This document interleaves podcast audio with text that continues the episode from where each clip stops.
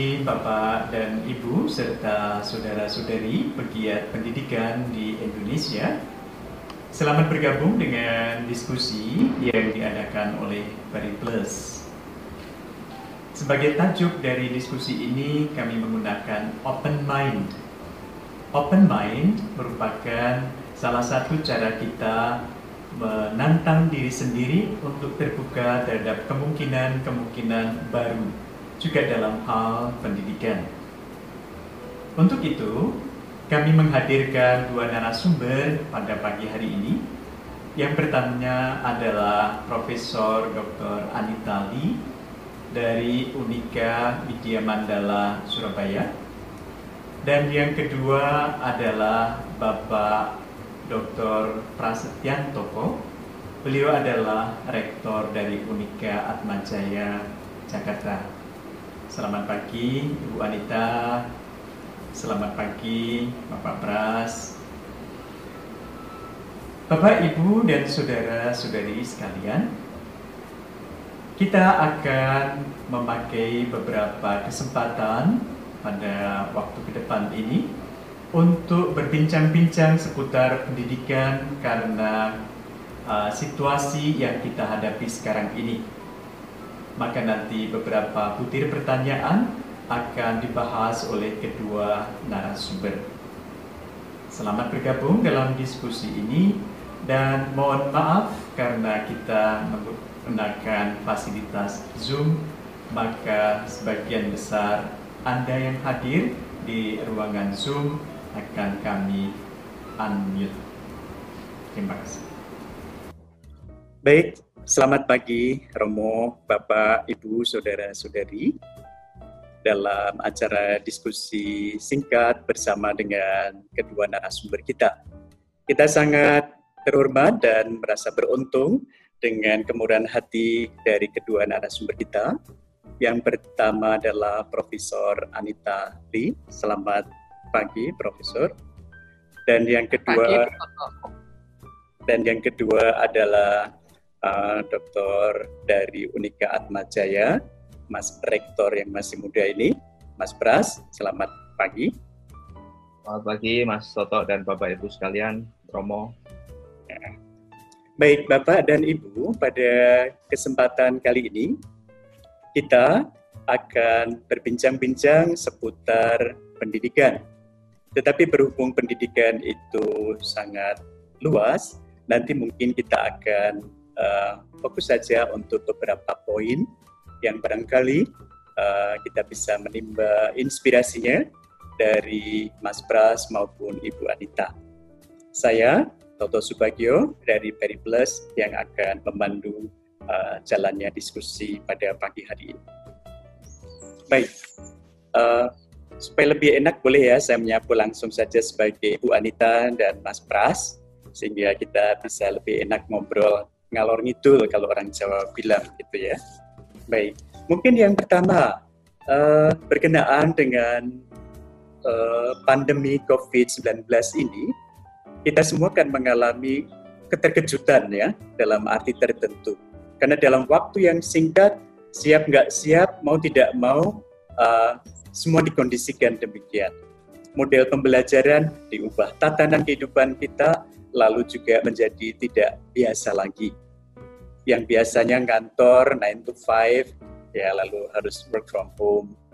Lalu anak-anak yang biasa berangkat ke sekolah, ya sekarang juga pembelajarannya uh, pembelajaran daring dan seterusnya.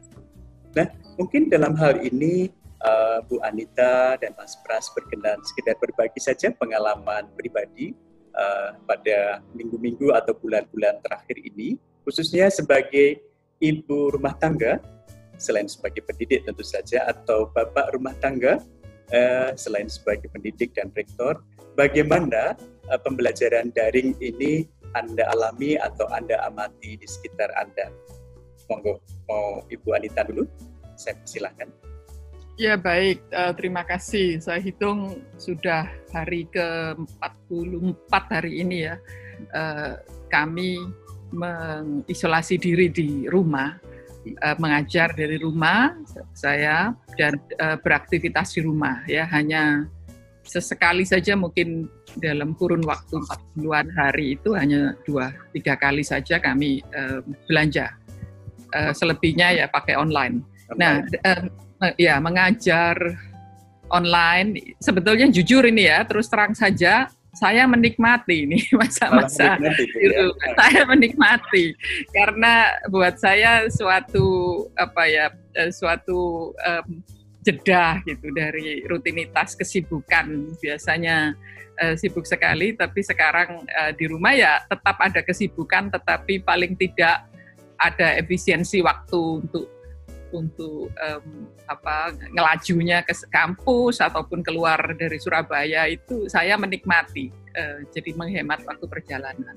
Namun juga saya empati ya pada mahasiswa uh, juga pada uh, banyak orang yang tidak menikmati masa-masa uh, di rumah ini pada mahasiswa karena uh, kami mengajar itu tidak masalah PJJ dengan uh, platform dengan LMS kami kemudian pakai uh, video conferencingnya itu enggak masalah untuk saya. Tetapi uh, saya empati mahasiswa banyak yang mengeluh ya. Pakai data cepat habis terus ah. mereka juga suntuk. Yang uh, di Jawa Timur sebagian sudah sempat langsung pulang mudik ketika ada instruksi untuk kita belajar dari rumah, tapi sebagian lagi yang dari luar pulau tidak bisa pulang. Jadi mereka terjebak di uh, rumah kos. Saya bayangkan juga kamar-kamar kos yang um, seadanya, yang sempit. Tuh, jadi ya saya empati lah sama mahasiswa terutama. Hmm, hmm. Jadi lebih karena infrastruktur yang barangkali yeah kurang ideal untuk pembelajaran daring begitu ya Bu ya. Ya. ya. Hmm. Baik, terima kasih. Kalau Mas Pras bagaimana pengalaman Begini, Jadi kalau dibilang apakah kita siap atau tidak, ini kan bukan pertanyaan itu ya, bahwa kita semua ini mau tidak mau, suka tidak suka harus menghadapi situasi yang seperti ini. Betul. Kalau ditanya apakah Atma Jaya itu sudah relatif siap, sebetulnya kita sudah berpikir sih sebelum ada COVID ini pun kita sudah punya ancang-ancang untuk uh, mendorong teman-teman dosen itu untuk mengadopsi PJJ untuk uh, dengan pembelajaran daring dan teknologi yang kita punya sebenarnya juga cukup memadai gitu. Hanya memang PJJ dan online learning ya yang dilakukan saat ini karena situasi yang memaksa dengan kuliah PJJ yang direncanakan itu totally different. Jadi okay, ini ya. kan sesuatu yang tidak direncanakan gitu. Suka tidak suka, mau tidak mau harus gitu kan. Dipaksa nah, keadaan. betul. Nah tentu di antara sekian banyak sekian pihak itu pasti ada yang nggak siap. Itu pasti. Baik dosennya, mahasiswanya maupun staf pendukungnya gitu. Jadi itulah yang di minggu-minggu pertama kami betul-betul uh, ini ini adalah soal survival gitu. Ini kita nggak ada pilihan dan kita harus hidup dalam dalam dunia yang berbeda sama sekali ya mau tidak mau kita harus lakukan sehingga sehingga yang pertama kali kita lakukan adalah mengidentifikasi problema yang muncul ketika harus dipaksa untuk online ini baik dari si dosen, mahasiswa maupun karyawan eh, pendukung gitu. Nah, ketika itu sudah mulai tertata, soal akses mulai bisa diidentifikasi. Kalau memang ada yang punya masalah dengan akses juga kita bantu mahasiswa yang memang uh, kemampuannya tidak seragam, kemudian muncul masalah dengan akses ya kita bantu. Nah sekarang ini kita baru mulai menata um, penataan lah. Kita ini kan kalau di awal pertama itu survival, sekarang ini penataan. Sekarang mau tidak mau kita mulai harus menata karena PJJ itu tidak hanya sekedar teknologi, Hmm. PJJ tidak sekedar kuliahnya dilakukan dengan daring gitu, hmm. tapi bahwa keseluruhan kurikulum, metode pembelajaran, kemudian metode apa namanya eh, penilaian dan penjaminan mutu juga beda gitu. Jadi itulah yang sekarang ini kita sedang identifikasi. Pasti ini sesuatu yang um, ya kita semua apa namanya terkejut, tetapi ya ada banyak pembelajaran bahwa kita mau tidak mau sekarang mulai mengadopsi uh, teknologi dan seluruh implikasi yang harus kita terima gitu, Mas Toto. Betul betul. Nah, dari apa yang tadi diidentifikasi oleh Mas Pras uh, dan juga oleh Ahmad Jaya, serta apa yang tadi menjadi sesuatu yang menjadi simpati dari Ibu Anita dan kiranya juga menjadi keprihatinan dari Widya Mandala gitu ya. Uh, sejauh ini bagaimana kita bisa support mereka? Kalau tadi Mas Pras juga uh, menyebutkan bahwa setelah diidentifikasi yang bisa dibantu dibantu macam gitu uh, bentuk konkretnya selama ini uh, boleh tahu seperti apa misalnya? Kalau di Atma Jaya kita memberikan beberapa subsidi pulsa ya karena kita tentu saja soal online ini pertama-tama survivalnya adalah uh, punya kemampuan untuk mengakses. Jadi kita identifikasi kita punya kelompok yang kita sebut sebagai vulnerable group gitu ya, kelompok-kelompok yang rentan gitu. Misalnya penerima beasiswa yang memang mereka pada dasarnya tidak mampu gitu. Kita beri subsidi pulsa itu. Jadi per bulan 50.000 selama tiga bulan kita sampai menghabiskan semester ini. Uh, untuk dosen kita berikan pelatihan intensif dan teman-teman uh, cukup appreciate karena begitu kita harus online kita langsung buka uh, kursus-kursus uh, apa namanya technical assistant gitu untuk membantu mereka supaya bisa mengakses uh, apa namanya uh, uh, pendekatan-pendekatan yang kita punya, learning management system yang kita punya dari rumah mereka.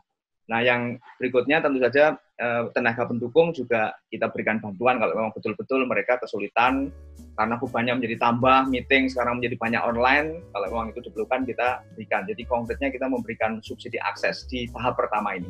Oke, terima kasih. Kalau Ibu Anita dari pihak ya, universitas, uh, ya mungkin sama juga dengan di Atmajaya. Jadi kami sudah punya platform sebetulnya sudah beberapa tahun itu dikembangkan. Oh. Namun sebelum ada pandemi ini ya uh, sulit. Jadi ada ada PIC yang memang ditugaskan untuk agar saya kira semua universitas juga didorong untuk menggunakan paling tidak blended learning ya uh, ketika uh, belum ada pandemi ini. Gitu. Tapi uh, yang PIC itu merasa kesulitan meminta dosen untuk menggunakan platform yang dikembangkan oleh Widya Mandala sendiri.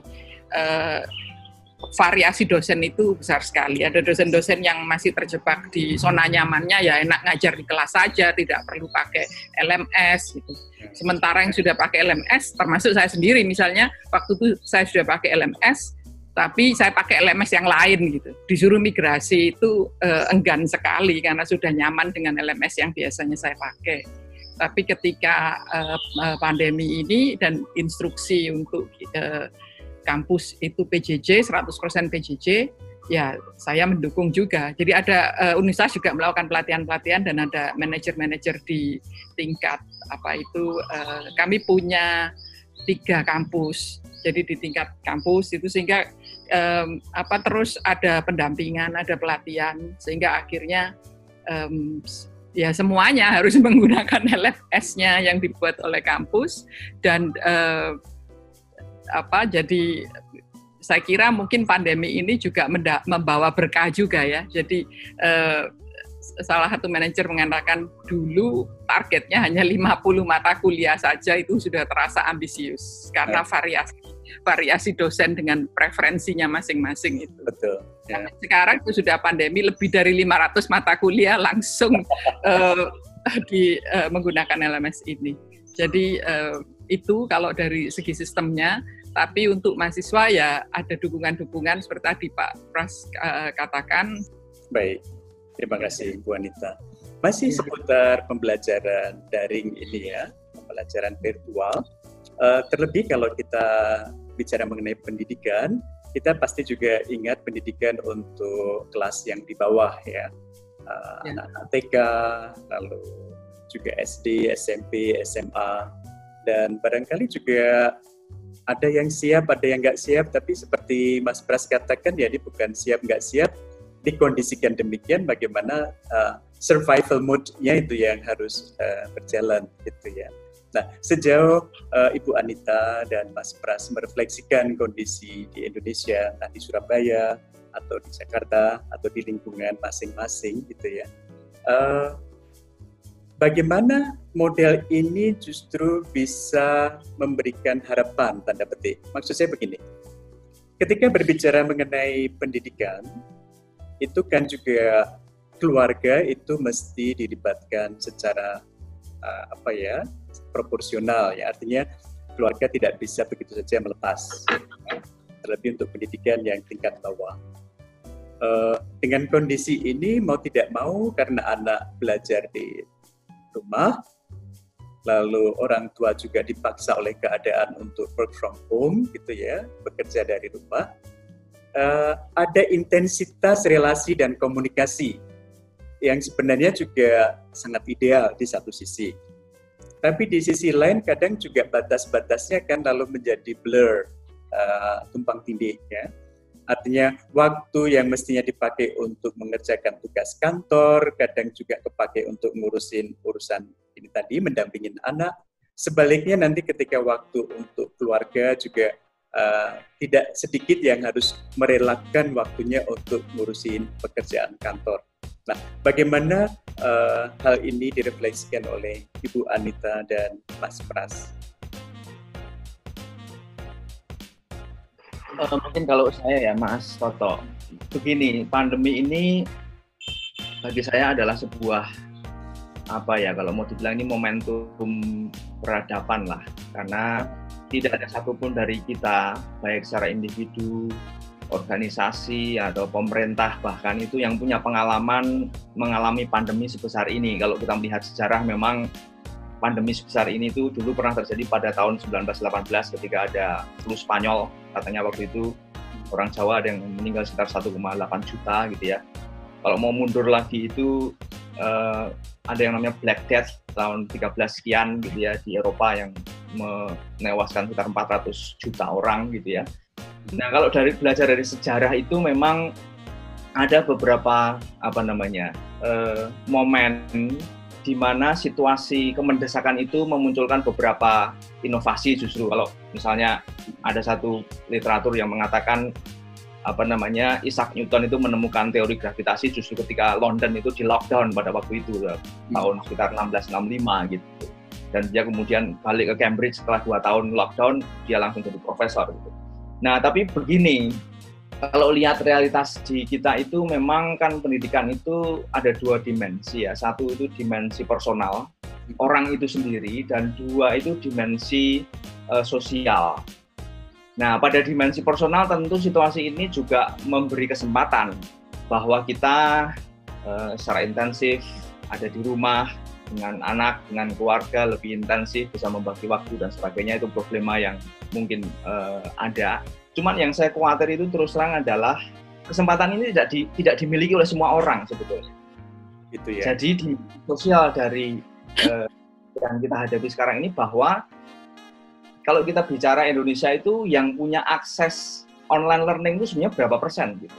Dari seluruh total eh, murid yang harus sekolah yang harus dipaksa untuk tidak sekolah hari ini.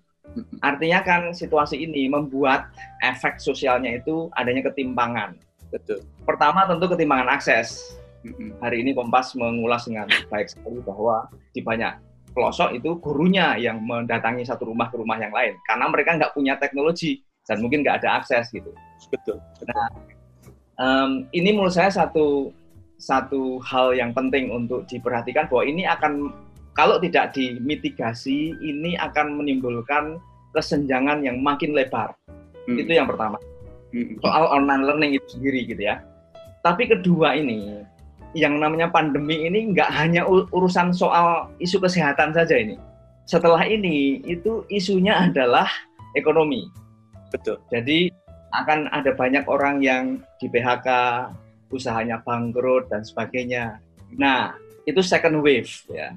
Kalau first wave-nya adalah penyakitnya sendiri, second wave-nya adalah dampak ekonomi. Nah, ini yang saya perhatikan. Third wave-nya adalah pendidikan. Jadi kalau eh, situasi ini berkepanjangan dan ekonomi juga makin buruk, makin banyak yang di PHK dan sebagainya, itu makin banyak orang yang tidak punya kesempatan untuk sekolah. Baik apalagi di perguruan tinggi gitu. Jadi yang saya khawatir kalau dalam konteks Indonesia itu ada satu generasi yang hilang. Kalau katakanlah COVID ini akan berlangsung nanti recovery-nya itu katakan saja 10 tahun baru recover betul-betul sama dengan secara kinerja ekonomi balik lagi gitu ya. Itu artinya ada 10 tahun di mana orang itu struggle untuk mendapatkan akses uh, pendidikan. Itu terus terang bikin saya sebagai pengelola organisasi worry gitu.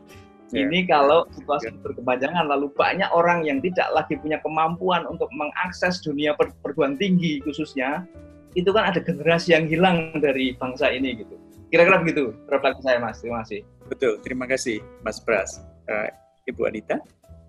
Ya, uh, memang kalau kita bicara secara bisa dua tingkat ya, makro atau mikro ya. Kalau secara makro memang uh, keprihatinan Pak Pras itu uh, benar sekali bahwa um, ada digital divide ya yang makin melebar dan itu juga eh, KPAI juga sudah menyoroti itu ya tidak ada interaksi antara guru dan siswa.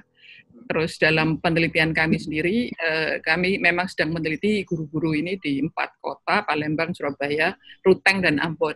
Jadi uh, ini penelitian yang tadinya kami mau mengunjungi sekolah-sekolah mereka, tapi kami uh, alihkan tidak jadi mengunjungi, tapi kami uh, melihat uh, eh, PJJ mereka.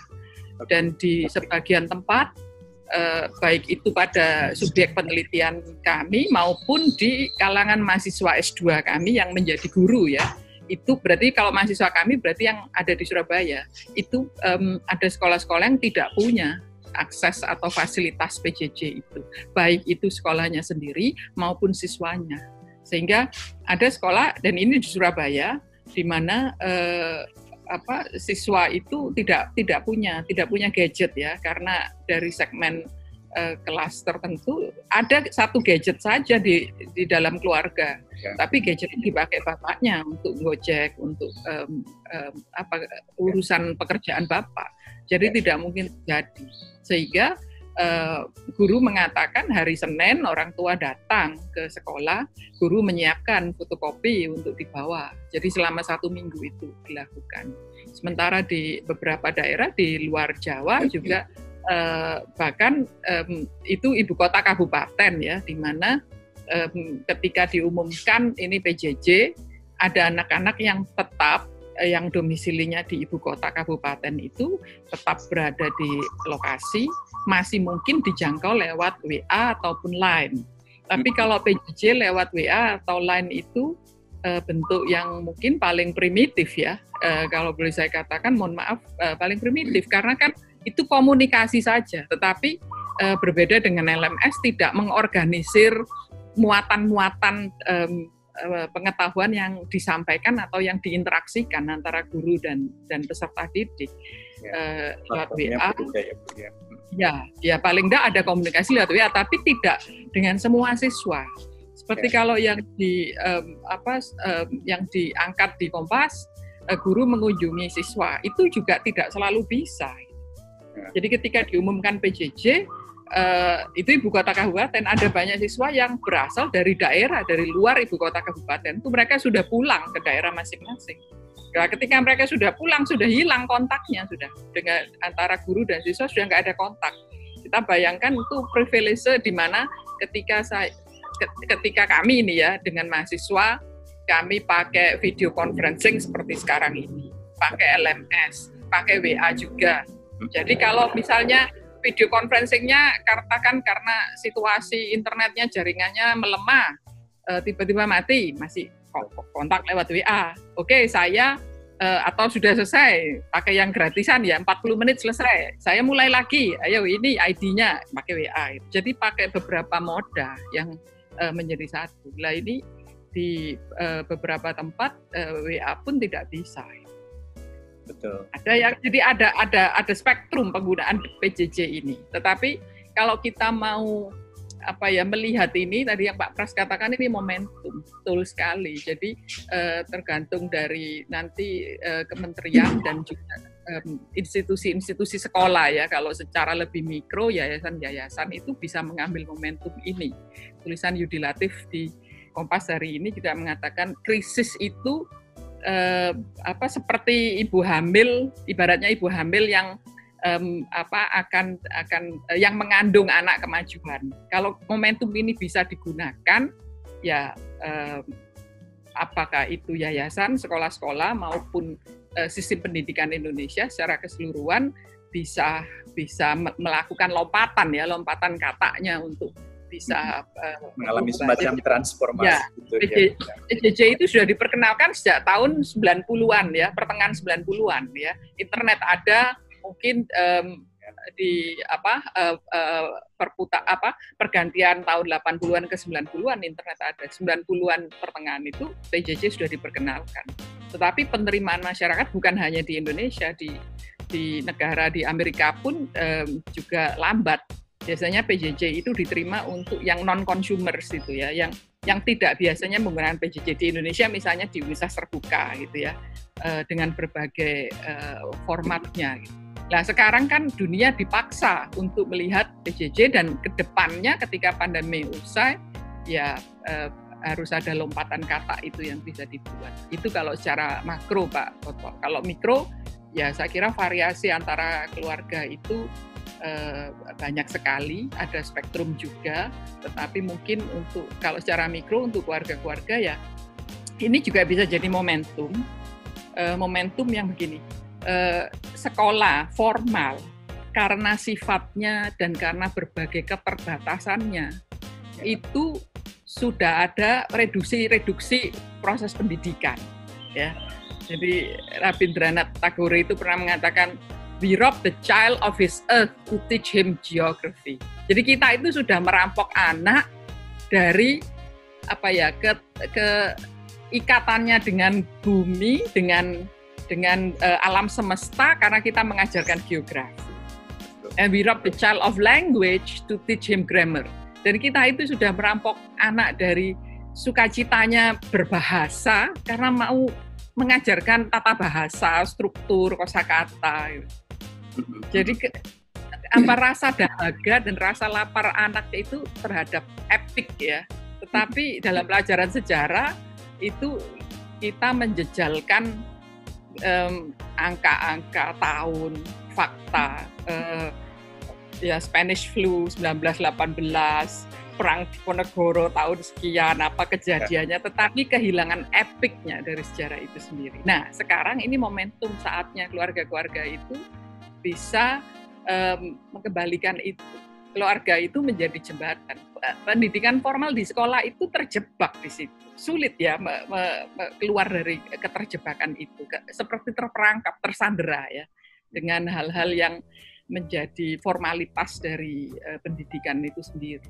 Nah, ini saatnya keluarga bisa mengembalikan itu menjadi momentum bahwa uh, pendidikan itu bukan hanya menghafal tahun-tahun sejarah, peristiwa, kejadian, atau hanya um, apa hal-hal yang sangat uh, ya memang itu harus harus dikuasai anak gitu itu yang menjadi materi di sekolah ya hmm. tapi uh, keluarga bisa bisa menjadi jembatan lah antara kurikulum formal ini dengan kehidupan nyata dengan alam semesta hmm. Jadi artinya uh, pendidikan itu memang juga jauh lebih luas jauh lebih utuh daripada sekedar uh, maaf ya pengajaran semacam itu kali ya Bu ya bukan hanya soal intelektual belaka. Ya. Baik. Uh, kembali ke tadi yang disampaikan oleh Mas Pras. Seumpama nih Mas Pras Bu dan Bu Anita, uh, kita ada mitigasi untuk tadi uh, apa ya dalam arti tertentu uh, mengatasi kesenjangan uh, digital gitu ya. Semua bisa mengakses dengan baik. Uh, apakah dengan serta merta juga hal-hal yang menyangkut pendidikan itu akan bisa tercover. Maksud saya begini, uh, saya mungkin termasuk generasi X gitu ya. Generasi milenial, generasi alpha, barangkali untuk mereka gampang-gampang saja, ya. mau pakai platform apa relatif cepat. Tapi guru atau dosen barangkali juga ada yang merasa agak susah untuk kemudian switch dengan model pembelajaran yang baru daring. Nah, ada juga kesenjangan ini. Apakah ada saran bagaimana seandainya uh, semua nih, semua bisa terakomodasi atau termitigasi bahwa akses internet itu tidak lagi menjadi masalah gitu ya. Supaya pembelajaran daring ini juga uh, bisa bisa maksud saya generasi yang sebelumnya pun bisa dengan mudah masuk ke sana. Bagaimana, Mas Pras? Um, saya berangkat dari pengalaman pribadi aja. Saya punya anak SMA yang tentu saja dia lahir ketika semua teknologi ini udah ada. Jadi beda dengan saya. Saya harus belajar lagi teknologi yang kemudian saya temui ketika saya beranjak dewasa gitu. Generasi anak saya dan teman-teman mahasiswa yang saya dampingi di kampus itu mereka lahir sebagian besar teknologi sudah ada sehingga mereka nggak sama sekali gagap.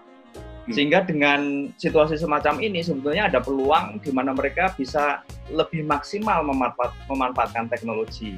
Dan pengalaman saya bertemu dan berjumpa dengan mahasiswa itu saya selalu underestimate dengan mereka.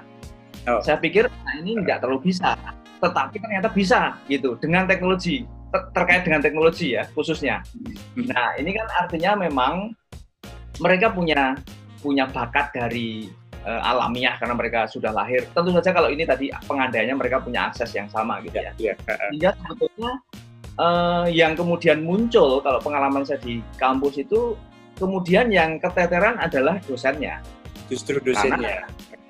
ya, eh, dalam hal soal akses, soal wawasan ya, karena karena begitu begitu akses dibuka itu kan wawasan kebuka. Hmm. Tadi saya bilang, saya selalu underestimate kalau soal teknologi dengan mahasiswa. Ada satu hal lagi yang juga saya tuh selalu underestimate. Maksudnya, wah, saya pikir anak ini nggak tahu. Ternyata mereka tahu. Apa? Concern tentang lingkungan yang saya surprise.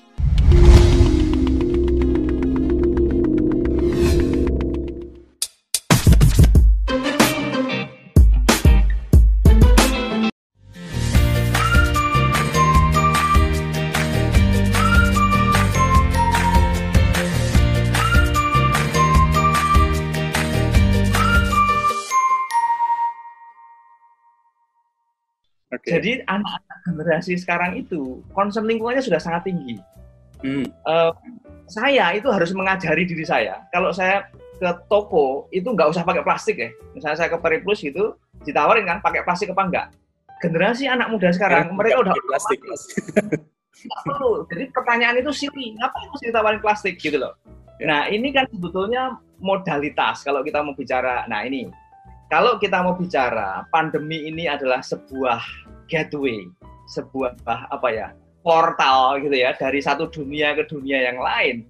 Nah sebetulnya ini modalitas ini teknologi kesadaran akan lingkungan ini sesuatu yang harus disistematisir untuk uh, manusia ini ketika melewati masa pandemi ini bergerak kepada satu dunia yang lain. Nah, satu dunia yang lain itu ya ini lebih concern pada lingkungan, punya perspektif yang lebih luas gitu ya dan itu dibantu oleh teknologi.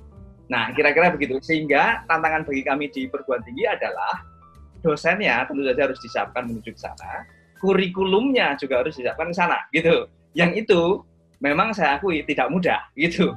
Tidak Lebih sulit untuk mengajak orang tua berubah daripada mempersilahkan anak-anak kita itu berkreasi sesuai dengan kemauan mereka yang itu seperti yang kita mau, gitu.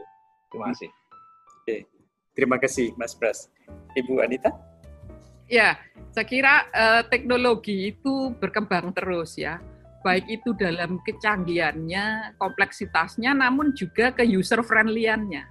Jadi uh, yang namanya manusia itu uh, bisa terus belajar sampai akhir hayat itu ya istilahnya. Tapi memang mungkin modalnya yang atau gaya belajarnya yang berbeda. Uh, sebagai contoh ya di tempat kami ada dosen-dosen yang uh, sudah sepuh itu pun masih bisa gitu. Bahkan uh, kami evaluasi uh, ke mahasiswa bagaimana uh, PJJ ini uh, mereka sudah meresponnya ada masukan-masukan dari mahasiswa seperti yang uh, apa uh, ya paket data mereka cepat habis. Ya kami pun harus menyesuaikan mencari moda-moda yang lebih hemat uh, untuk paket data mahasiswa. Tapi uh, ternyata masih uh, ditanya dosen favorit selama uh, PJJ ini ada salah satu dosen yang profesor yang sudah sepuh gitu ya, oh. sudah sudah hampir 80 tahun dan itu oh. uh, apa ya dan ternyata bisa pakai PJJ. Memang harus sabar mendampingi me, apa uh, pelatihan Eh, biasanya ini kalau saya berjamin dari pengalaman orang tua sendiri ya, ibu saya sudah uh, sudah 80 tahun tapi uh, mau mengikuti apa memonitor cucunya ini apa happeningnya apa gitu ya. Jadi bermedsos juga pakai Facebook pakai Instagram. eh, sering-sering nanti lupa apa ya passwordnya gitu. Tapi teknologinya kan juga juga semakin ramah gitu ya. Password juga sudah nggak harus diingat lagi bisa pakai sidik jari. Jadi teknologinya pun juga semakin ramah terhadap semua kebutuhan. Nah eh, tadi yang dikatakan Pak Pras betul sekali anak-anak muda ini punya eh, di apa itu sesi seperti ini yang sudah pernah dilakukan ya dengan Romo Sunu dan dari Unika Sugio Pranata itu membedakan antara medium dan dan isi ya dan substansi. Nah ini yang eh, apa generation gap antara yang kelompok migran digital dengan eh, yang aktif digital itu adalah eh, kelompok migran mungkin seperti Pak Pras, Pak Toto dan saya juga ini uh, terlalu kaku dalam melihat oh ini mediumnya PJJ isinya ini sementara di kalangan anak muda itu antara medium dan substansi itu mereka bisa menggabungkan biasanya yang meragukan PJJ adalah waduh interaksinya kan terbatas hmm. bagaimana mereka bisa hmm. punya keterlibatan sosial kita belajar kepada anak-anak muda bahwa uh, keterlibatan sosial mereka itu tetap jalan gitu ya. Ada banyak contoh-contoh crowdsourcing, crowdfunding, aksi-aksi sosial yang di um, apa dijalankan oleh anak-anak muda itu lewat medium medium daring dan mereka berjalan dengan sangat baik. Hmm, hmm. Bahkan dalam arti tertentu kalau pendidikan hanya disempitkan ke arah pengajaran seperti dicontohkan Bu Anita tadi hanya sekedar menghafalkan kapan perang Diponegoro dan seterusnya. Sekarang udah kalah dengan Google ya Bu ya. Ya, iya. Google sudah bisa menjawab hampir semua pertanyaan gitu ya ibaratnya. Oke, okay. tetapi masuk ke dalam justru uh, mengenai yang pokok, yang substansial dalam hal pendidikan, Bu pendidikan ya. itu kan juga ada banyak layers ya, bukan hanya soal sistemnya atau apa. Kalau saya lebih concern pada uh, sesuatu yang secara lebih menyeluruh. Pendidikan itu kan kalau dalam bahasanya diajar Dewantara itu lebih kurang juga bagaimana memanusiakan manusianya ya, diutuh semacam itu. Dan dengan pembelajaran daring semacam ini, di satu sisi teknologi membantu, tetapi barangkali yang kemarin-kemarin uh, itu bisa dipraktekkan, sekarang harus dimodifikasi. Terlebih dalam hal soal yang disebut sebagai uh, personal care atau pura personalis ya, one on one, pendampingan satu persatu. Kalau dulu mungkin uh, anak yang diamatin itu ada sesuatu mungkin oleh guru PP-nya bisa diajak ngobrol dan seterusnya. Sekarang kan kalau pembelajaran uh, model daring ada keterbatasan-keterbatasan yang tidak serta-merta bisa terakomodasi. Ya. Uh, apakah ada saran bagaimana supaya pendidikan uh, itu juga menjadi lebih utuh? Termasuk barangkali misalnya pendidikan di rumah juga menjadi lebih proaktif terhadap proses yang oleh sekolah, oleh kurikulum itu juga di, uh, diarahkan. Karena kekhawatiran saya juga kadang apa yang kita sebut sebagai hidden hidden curriculum gitu ya. Uh, tidak diajarkan tetapi karena setiap harinya itu yang dilihat di rumah gitu ya, itu yang malah lebih dicerap oleh anak. Mungkin sekolah mengajarkan disiplin, mungkin di sekolah mengajarkan soal kejujuran dan seterusnya dan seterusnya. Nah, apakah ada komentar atau ada saran mungkin dari Mas Pras dan Bu Anita? Iya, saya uh, sekali lagi cerita pengalaman nyata aja. Saya beberapa hari lalu ditanya oleh kampus ministry, uh, ini situasi kampus ini normal kapan ya? Karena kita nih kampus ministry mau melakukan uh, kaderisasi. Kita punya apa tradisi untuk mencari bibit-bibit mahasiswa untuk dikader segala macam. Kemudian ada beberapa program. Saya balik tanya, yang dimaksud normal tuh yang kayak apa gitu. Nah terus saya malah di meeting di antara apa namanya kampus ministry lalu para pengelola ada uh, romo mahasiswa dan sebagainya dan saya persis menyitir uh, apa conversationnya Romo Sunu itu saya bilang begini kalau esensinya itu adalah pendampingan itu kan sebetulnya yang kita mesti perhatikan itu kan uh, yang dikatakan Romo Sunu itu kedalaman intelektual hmm. kedalaman sosial dan kedalaman spiritual. Saya tanya, apakah ketiga ini dengan situasi sekarang tetap bisa dilaksanakan? Gitu.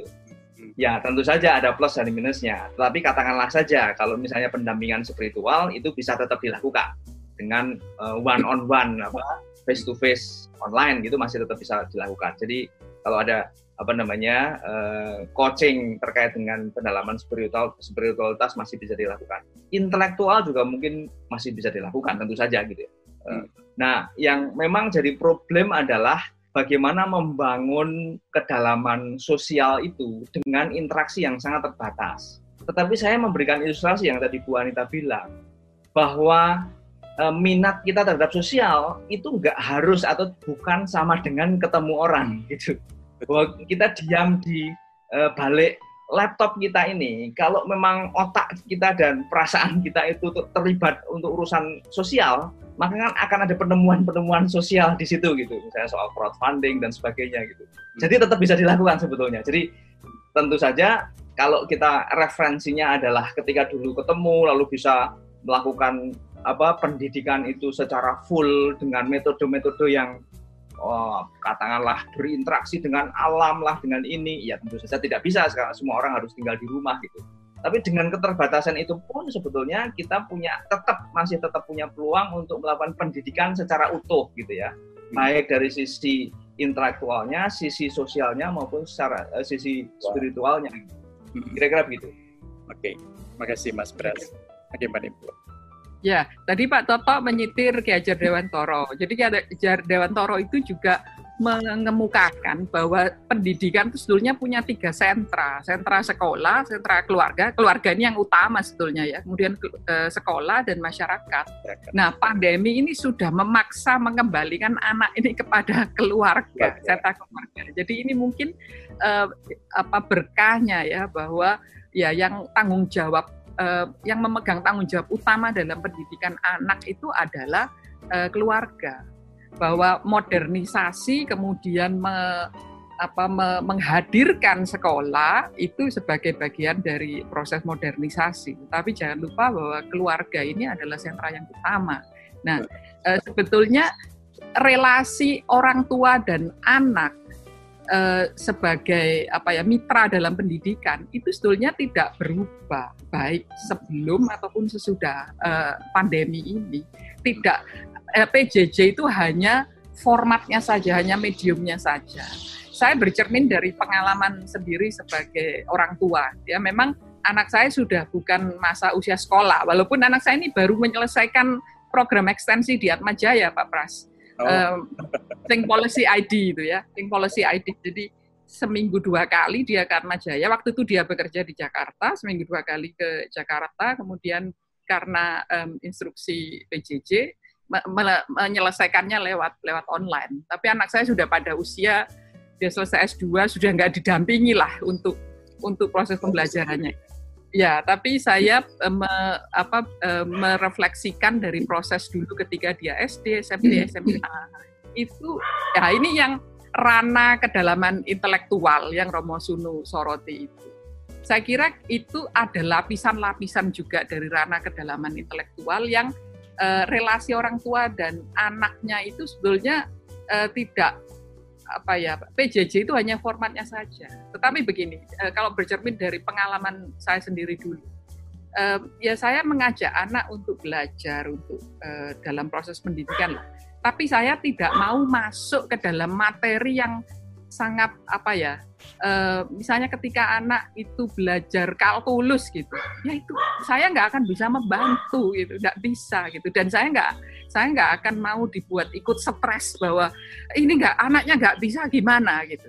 Uh, malah gitu ya ketika ada sebagian orang tua yang uh, ini bukan hanya masalah PJJ sebelum PJJ pun relasi orang tua dan anak itu bisa menjadi uh, deteriorating gitu ya, menjadi counterproduktif ketika orang tua masuk ke dalam uh, ranah intelektual yang sebetulnya itu dangkal. Tadi Rabindranath Tagore itu lo mengatakan, Betul. kita itu merampok anak dari sukacitanya berbahasa karena anaknya harus, ayo hafalkan ini tensesnya, ayo hafalkan ini struktur katanya.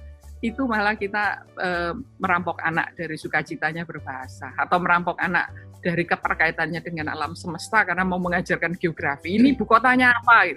E, jangan masuk ke situ. Itu sudah itu otonomi anak. Biarlah anak mencari sendiri. Kalau di rumah sekarang dengan PJJ ini e, anaknya tidak bisa, ya orang tua jangan mengambil alih itu. Itu tanggung jawab anak cari sendiri paling enggak tetapi orang tua tetap mendampingi gitu ayo kita cari gimana memotivasi gitu. sehingga hmm. anak tidak kehilangan dan uh, tidak apa itu memutus perjalanan anak untuk masuk dalam kedalaman intelektualnya Oke. Okay. Nah, pemaksaan ini lalu sepertinya mengkondisikan terlebih kalau pendidikan untuk yang kelas bawah ya. Uh, itu semacam homeschooling atau saya kadang mengistilahkannya semi homeschooling karena dalam arti tertentu juga masih tanggung jawab sekolah, dalam arti tertentu ya orang tua dipaksa oleh keadaan ikut lebih bertanggung jawab di dalam prosesnya. Nah, semi homeschooling ini apakah bisa menjadi salah satu dari banyak alternatif gitu ya yang barangkali bisa didukung gitu ya. Lalu kalaupun itu bisa, lalu secara bagaimana? apakah ada tanggapan seumpama uh, model semi homeschooling nanti persisnya kayak apa saya juga belum punya bayangan ya, tetapi bahwa peran tadi yang disebutkan oleh Ibu Anita nanti peran keluarga juga lebih optimal pihak sekolah juga lebih optimal masyarakat atau negara juga lebih optimal sehingga ketiga pilar itu bisa saling mendukung. Ada tanggapan mungkin dari Mas Pras atau Ibu Anita? Iya, saya um, ini memang harus saya ini masa ini betul-betul sulit ya. Saya, saya barusan dapat kiriman dari seorang teman uh, yang share tentang tuntutan para mahasiswa Harvard. Mereka menuntut uh, administratorsnya, apa, rektor dan pengelolanya itu untuk menjelaskan ini Harvard mau ke mana ini, kuliah lagi mau kapan dan mau kayak apa, gitu. Yang intinya mereka bilang nggak mau dong kalau saya sekolah di Harvard dan saya dan saya hanya kuliah online. Ngapain saya bayar mahal dan sekolah di prestisius di Harvard tapi sama dengan uh, ikut Coursera gitu misalnya. Iya, yeah, Coursera. Nah, um, jadi saya memang melihat ini soal keseimbangan sih akhirnya. Jadi tetap ada satu apa ya keseimbangan yang kita harus tuju. Kalau kita bilang sekarang ini, oh ya kesempatan sekarang semua mata kuliah mau nggak mau harus online apakah setelah situasi berangsur pulih itu lalu semuanya harus online? Juga saya juga enggak. Jadi pasti harus ada yang disebut blended. Nah, seberapa blended itu tentu harus di apa namanya uh, tentukan ya di disepakati oleh berbagai pihak di mungkin di setiap institusi akan beda-beda gitu. itu yang pertama. Nah yang kedua tadi soal um, apakah homeschooling dan sebagainya itu juga sama sebetulnya kan kalau kita lihat kalau misalnya uh, menteri nanti Mendikbud itu mengeluarkan bahwa sampai akhir tahun itu belum bisa full sekolah. Itu kan anak-anak itu juga mau nggak mau semi homeschooling gitu. Mungkin sekolahnya di uh, gilir gitu ya. Kelas ini masuk besok libur ganti kelas yang lain gitu. Untuk menghindari kerumunan yang terlalu banyak gitu. Nah keseimbangan itulah yang menurut saya masih dirumuskan baik pada level institusi maupun level pribadi keluarga. Jadi keluarga kan juga pasti menentukan uh, ini keseimbangannya mau di mana gitu. Yang paling konkret ya, uh, ini karena harus work from home ini sebetulnya lebih capek loh karena orang jadi minta meeting di kapan pun gitu. Bahkan di hari libur, hari libur pun juga merasa punya hak untuk ngajak meeting karena kita toh nggak bisa ke mana-mana gitu. Nah ya. ini kan juga ini problema baru juga nih bagi saya sih nggak ada hari libur sama sekali gitu semua hari sama gitu. Nah ini kan juga pada akhirnya uh, harus menentukan gitu equilibriumnya itu ada di mana. Itu sih. Baik, terima kasih Ibu Anita. Ya, uh, homeschooling ini kan uh, sebetulnya istilah yang kemudian digunakan untuk komodifikasi suatu program lah ya. Ada ada Eh, kelompok-kelompok yang memang sudah mengadakan homeschooling itu. Dan kemudian karena situasi pandemik itu kita jadi mau mengadopsi juga. Tapi kalau dalam arti yang luas ya homeschooling itu eh, apa mengacu pada pada eh, kerangka Ki Hajar Dewantoro ya itu seharusnya memang selalu harus ada homeschooling itu. Hmm. Tapi uh, homeschooling dalam kaitan yang sempit, materi sekolah, kurikulum yang harus diselesaikan di rumah, ini uh, ya dalam situasi pandemi, situasi PJJ ini memang yang sedang dan harus terjadi. Dan bagaimana nanti ke depannya itu yang memang harus dirumuskan. Tetapi kalau um, apa tips untuk orang tua ya uh, saya mengerti kegalauan dan kecemasan orang tua ya ketika mendampingi anak dan anak uh, banyak tanya dan orang tua tidak bisa karena keterbatasan waktu atau juga uh, pemahaman penguasaan materi gitu ya. Kalau itu bukan materi yang menjadi spesialisasi orang tua ya dia akan kesulitan menjawab itu. Tapi ini juga bagian dari pendidikan nilai dan pendidikan karakter. Ketika uh, sejak kecil uh, ya mengenai disiplin, tanggung jawab anak itu jika orang tua bisa menanamkan itu itu seharusnya tidak menjadi masalah. Ketika orang tua juga sibuk dengan pekerjaannya sendiri walaupun harus work from home, orang tua juga sibuk, tetapi ketika itu anak sudah bisa ditanamkan mengenai disiplin, tanggung jawab, eh, apa keteraturan untuk untuk eh, sekolah walaupun dari rumah, terus eh, mengerjakan tugasnya sendiri, ya eh, itu menjadi bagian dari pendidikan karakter juga yang sekarang eh, banyak banyak dilakukan di rumah dalam sentra keluarga ini. Baik, terima kasih ya, Ibu Anita. Uh, mungkin pertanyaan terakhir sebelum kita mengakhiri diskusi kita pagi hari ini, gitu ya. Seumpama nih, seumpama Mas Menteri bertanya kepada Bu Anita dan Mas Pras. Dalam kondisi semacam ini, sebaiknya saya mesti bikin apa nih? Ya, mesti bikin apa? Uh, Oke, okay, tanpa meninggalkan yang aspek pokok tadi, substansial, apakah bisa dibantu dengan saran atau ide mengenai entah itu sistemnya, entah itu model-model pembelajaran, pengajaran yang mesti lebih dikembangkan, walaupun tadi di sana sini kita sudah mulai bicarakan. Tapi apakah ada sesuatu yang secara spesifik Ibu Anita dan Mas Pras hendak sampaikan?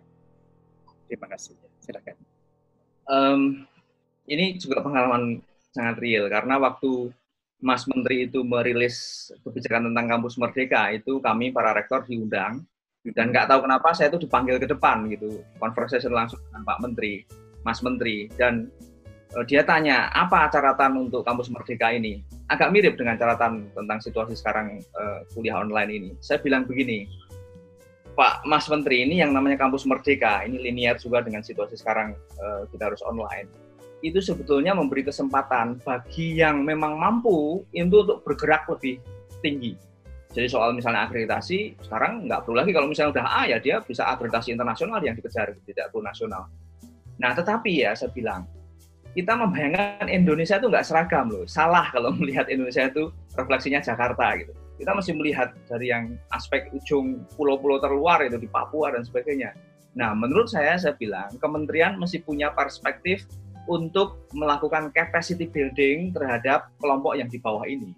Kalau enggak, yang namanya kampus merdeka maupun sekarang kuliah online ini, itu akan memperbesar kesenjangan. Dan itu bagi saya adalah uh, resiko yang sangat serius ya, kalau tidak dimitigasi sejak awal. Jadi menurut saya, kalau saya ditanya, saya akan bilang, tolong perhatikan soal akses, soal capacity, bahan pembelajaran dan sebagainya dan sebagainya bagi kelompok yang ada di bawah yang memang akses dan kemampuannya sangat terbatas gitu. Udah deh jangan pikiran kami yang di Jakarta kira-kira begitu. Kita akan bisa melesat untuk mencari sumber pembelajaran yang terbaik di dunia gitu. Tapi teman-teman kita yang di pelosok itu mereka sangat kesulitan sekali bahkan untuk yang sangat basic yaitu akses. Nah, itu kementerian mesti bikin sesuatu. Terima kasih. Terima kasih, Mas Ibu. Ya kalau saya uh, saya ingat dua buku ya soal uh, ini apa uh, disrupsi satu disrupting class uh, uh, Kristen um, Clayton Christensen ya yang menulis yang uh, istilah inovasi disruptive innovation itu dipopulerkan kemudian ada lanjutannya jadi uh, penulis keduanya itu yang Michael Horn itu menulis lagi blended learning uh, ya blended learning itu uh, mereka me, apa uh, memprediksi. Jadi blended learning itu penerimaannya tidak masif. Uh, jadi tahun 90-an pertengahan diperkenalkan 2005 buku itu buku yang kedua ditulis soal blended learning mereka menulis memprediksikan nanti tahun 2019 jadi waktu itu 2005 ya belum ada bayangan mengenai pandemi 2019 itu nanti 50 persen mata kuliah, mata pelajaran di Amerika loh ini. Di Amerika itu akan PJJ, akan blended, nah, blended learning. Kemudian mereka menawarkan beberapa model blended learning. Nah, ternyata tahun 2020 ini semua ya jadi eh, kalau menurut catatan UNESCO 186 negara ini sudah mempjj-kan sekolahnya. Jadi ini kan eh, apa krisis yang memang memaksa kita untuk tadi kata Pak Pras apa momentum peradaban itu harus harus ada lompatan gitu. Saya baru menulis lompatan kata ini.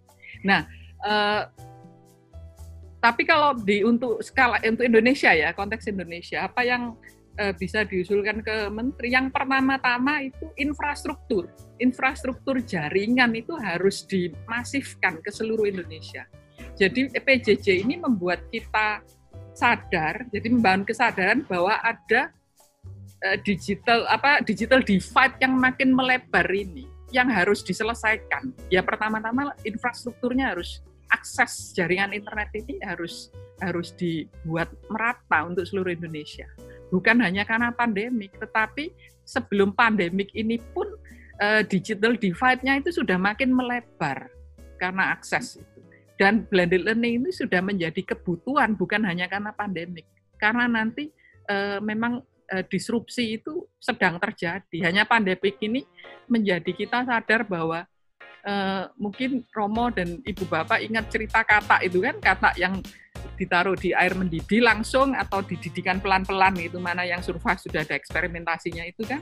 Nah sekarang ini kan kita pada kata yang masuk dalam air mendidih secara langsung, jadi harus cepat melompat.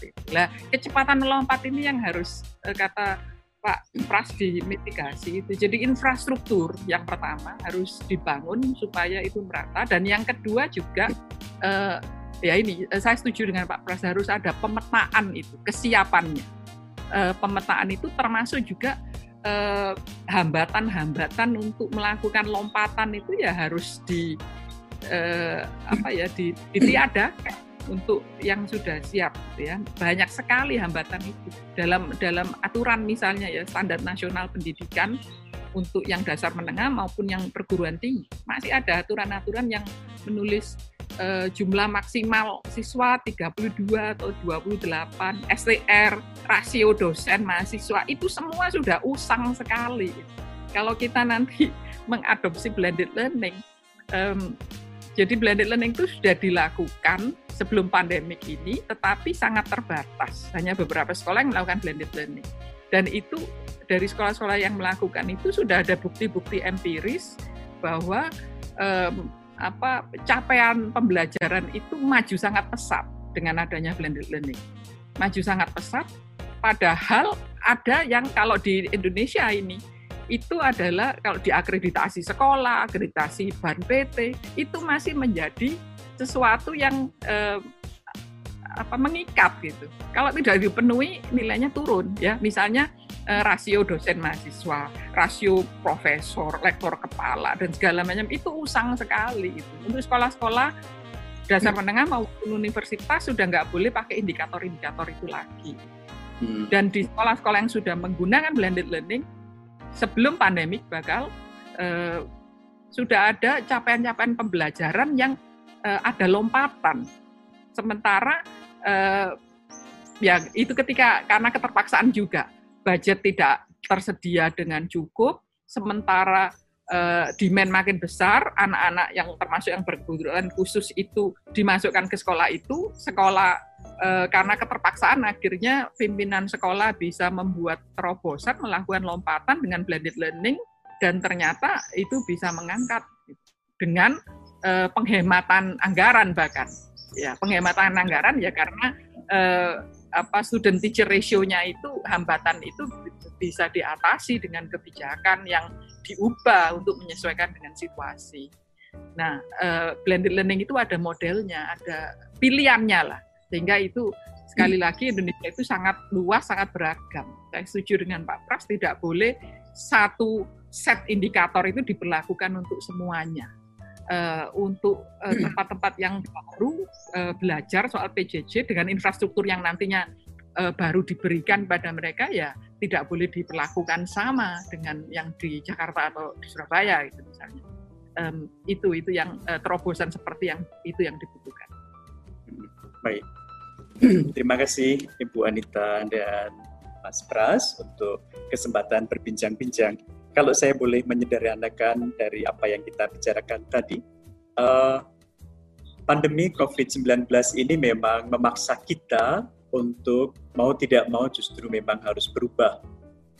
Ia mengubah diri, tetapi juga mengubah arah pendidikan kita, model-model pendidikan kita.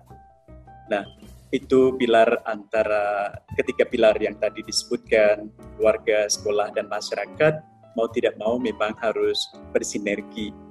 Uh, maka dalam hal ini memang sangat dibutuhkan kemauan untuk melompat. Nah, melompat itu berarti kan juga keluar dari zona nyaman ya. Kalau dalam istilah uh, Ibu Anita dalam salah satu presentasi kan bagaimana ke uh, apa itu zona learning kemudian ke growth learning semacam itu bisa di uh, diakomodasi bisa didorong ke arah sana. Nah, sebelum mengakhiri diskusi ini karena kita ada sekitar 23 uh, apa hadirin di ruangan Zoom ini, apakah ada pesan dari uh, Ibu Anita atau Mas Pras karena kebetulan semua ini para pemerhati pendidikan dan mereka juga uh, punya hati untuk pendidikan anak-anak ibu pertiwi di Indonesia. Apakah ada satu dua kata yang tidak disampaikan untuk sesama para pendidik?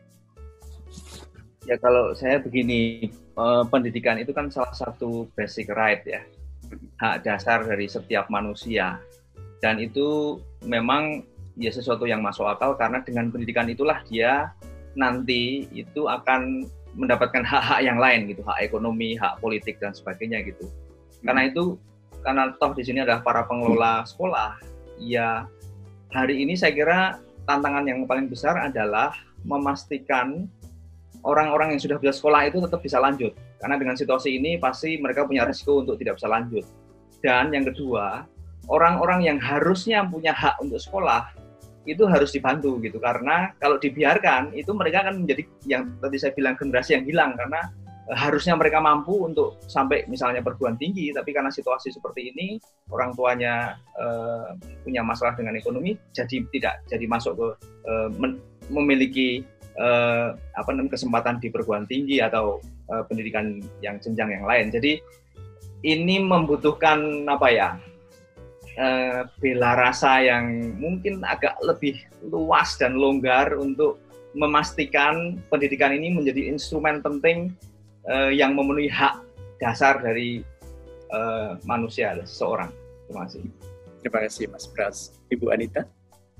Ya, ini uh, pada kepada para pemerhati dan pegiat ya, saya kira mungkin uh, saya rasa ya saya yakini ya yang uh, pegiat dan pemerhati ini mungkin kan sudah lebih banyak membaca, banyak berinteraksi, banyak menggumuli lah isu isu-isu pendidikan, tantangan-tantangan dan juga peluang-peluangnya. Saya kira para pemerhati dan pegiat ini dalam berbagai peran dan kapasitasnya itu mempunyai apa privilege sekalian juga ini beban ya dan tanggung jawab untuk bisa um, apa mendampingi uh, masyarakat tentunya masyarakat pendidikan atau stakeholder pendidikan yang iya. lebih luas untuk bisa me, uh, ya mungkin kata memandu itu terlalu sombong ya tapi mungkin mendampingi saja ya mendampingi karena sesama pejalan gitu ya dalam perjalanan yang sama menuju kehidupan yang lebih baik itu uh, sudah menjalani perjalanan ini uh, bisa mendampingi supaya uh, semuanya itu bisa selamat dalam dalam badai ini. Jadi um, apakah lewat um, apa itu um, apa um, wawasan atau lewat kesabaran dan lewat uh, semangat yang diberikan ya. Ketika sesama pejalan itu yang satunya sudah nggak punya daya ya uh, perlu kearifan dan kebijakan untuk ayo bisa pasti bisa. Ya nggak bisa gimana? Gitu ya perlu perlu kearifan uh, dalam pekerjaan-pekerjaan dan tanggung jawab pendampingan ini untuk bisa me, apa, uh, menyemangati. Sementara mungkin pegiat uh, ataupun pemerhati yang lain um, punya beban yang berbeda misalnya mendesak pemerintah seperti Pak Pras mungkin yang sering nulis atau saya atau yang lainnya mendesak pemerintah untuk uh, apa melaksanakan tanggung jawabnya lebih lagi, lebih efektif lagi. Uh, yang saya usulkan ya infrastruktur itu harus uh, diberikan kepada semua apa daerah gitu. Sudah pada apa periode yang pertama membangun jalan gitu, tapi jalan yang juga sangat perlu ini untuk pendidikan itu adalah jalan jalan um, um, ini apa jaringan gitu. Karena kita tahu bahwa sekarang eh, betapa karena kesulitan akses itu kita menghadapi ancaman generasi yang hilang ini. Jadi bukan hmm. hanya akses jalan fisik, tetapi jalan internet ini adalah jalan untuk untuk Harus uh, prioritas ya, Bu. Ya. ya. Baik. Baik.